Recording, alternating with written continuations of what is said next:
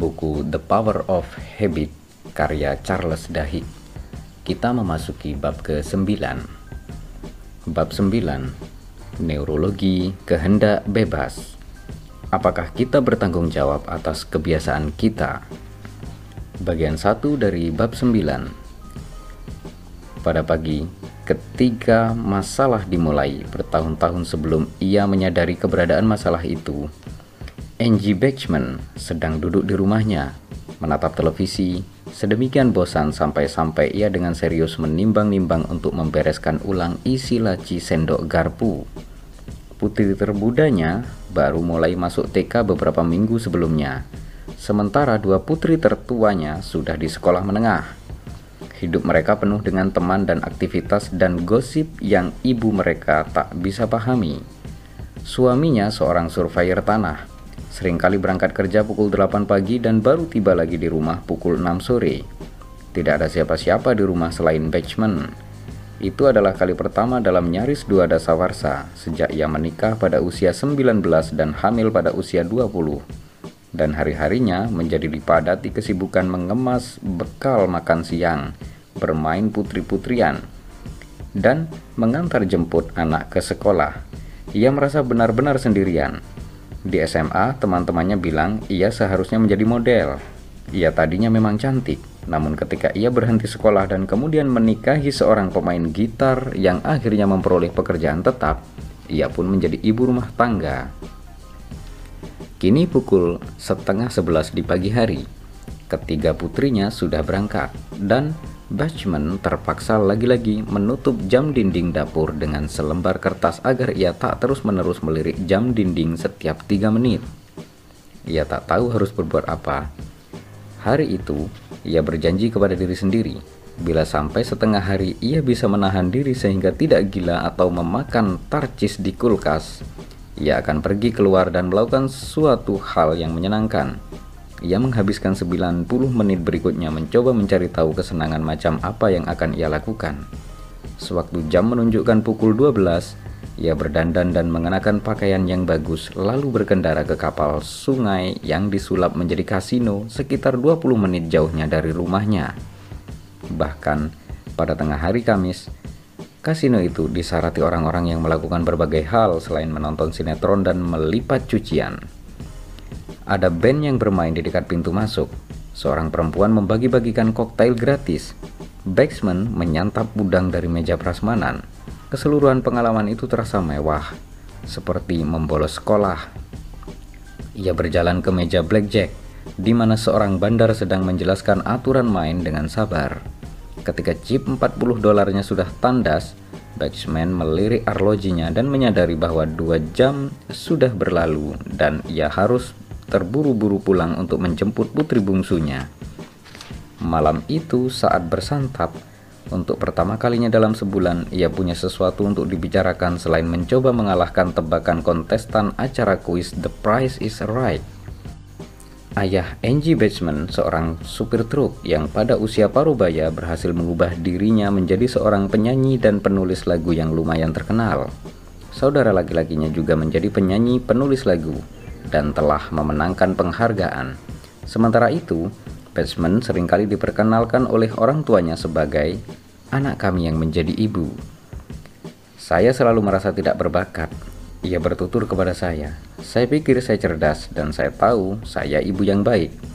Tapi tidak banyak hal yang bisa saya tunjukkan dan berkata, inilah mengapa saya istimewa. Setelah kunjungan pertama ke kasino itu, Batsman mulai mendatangi kapal sungai itu sekali seminggu pada Jumat sore. Itu adalah hadiah baginya setelah melalui hari-hari yang kosong, membersihkan rumah, menjaga diri agar tetap waras. Ia tahu berjudi dapat mendatangkan kesulitan, sehingga ia menetapkan aturan-aturan ketat untuk diri sendiri.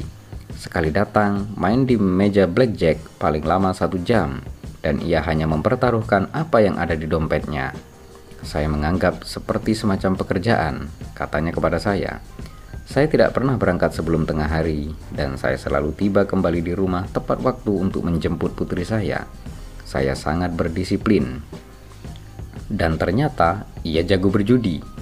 Pada awalnya, dalam waktu tak sampai satu jam pun uangnya sudah terkuras. Tapi dalam enam bulan, ia telah mempelajari cukup banyak trik sehingga ia menyesuaikan aturan-aturannya agar bisa bermain 2-3 jam dan sakunya masih terisi uang sewaktu pulang. Suatu sore, ia duduk di meja blackjack dengan 80 dolar dalam dompetnya dan pulang dengan 530 dolar. Cukup untuk membeli makanan, membayar tagihan telepon, dan menabung sedikit untuk jaga-jaga. Pada saat itu, perusahaan yang memiliki kasino tersebut, Harah Entertainment, mulai mengiriminya kupon untuk makan prasmanan gratis. Ia pun mentraktir keluarganya makan setiap malam minggu. Negara bagian tempat Batchman berjudi, Iowa, baru beberapa tahun sebelumnya melegalkan perjudian. Sebelum 1989, para pembuat undang-undang negara bagian itu khawatir godaan kartu dan dadu mungkin sulit ditolak sebagian warga. Sejak awal berdirinya Amerika Serikat, kekhawatiran itu sudah menghantui. Perjudian adalah anak keserakahan, saudara ketidakadilan, dan bapak kejahatan, tulis George Washington pada 1783. Inilah dosa yang melahirkan segala jenis kejahatan, singkatnya.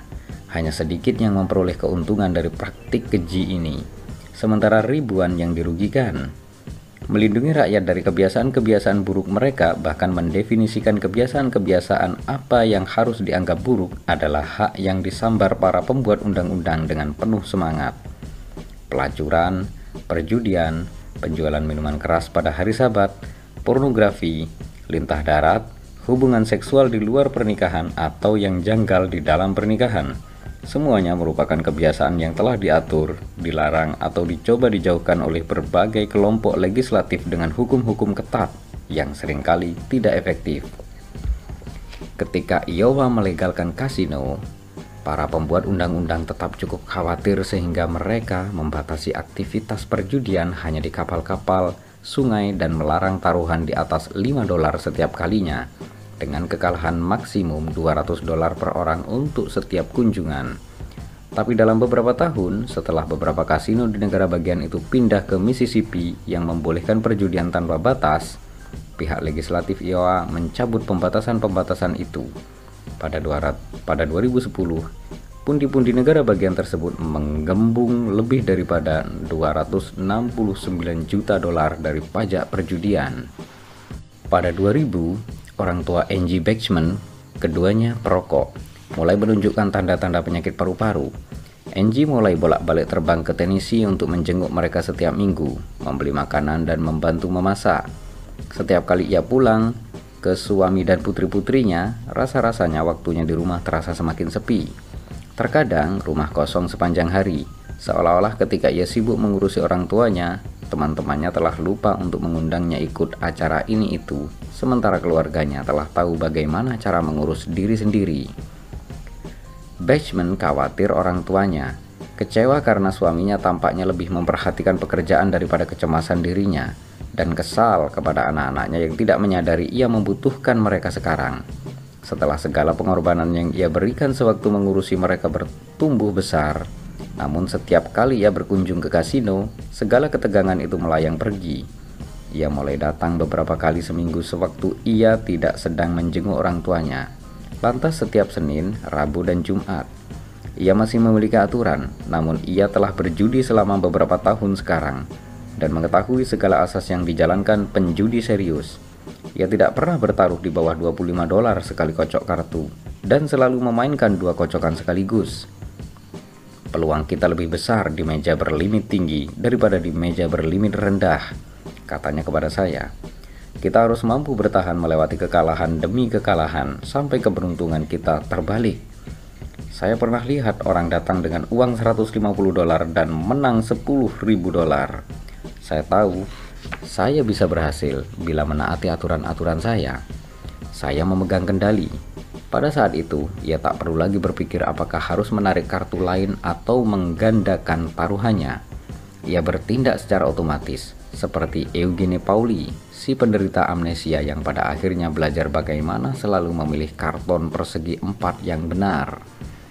Suatu hari pada 2000, Bachman pulang dari kasino membawa 6.000 dolar cukup untuk membayar sewa dua bulan dan melunasi tagihan-tagihan kartu kredit yang bertumpuk di pintu depan.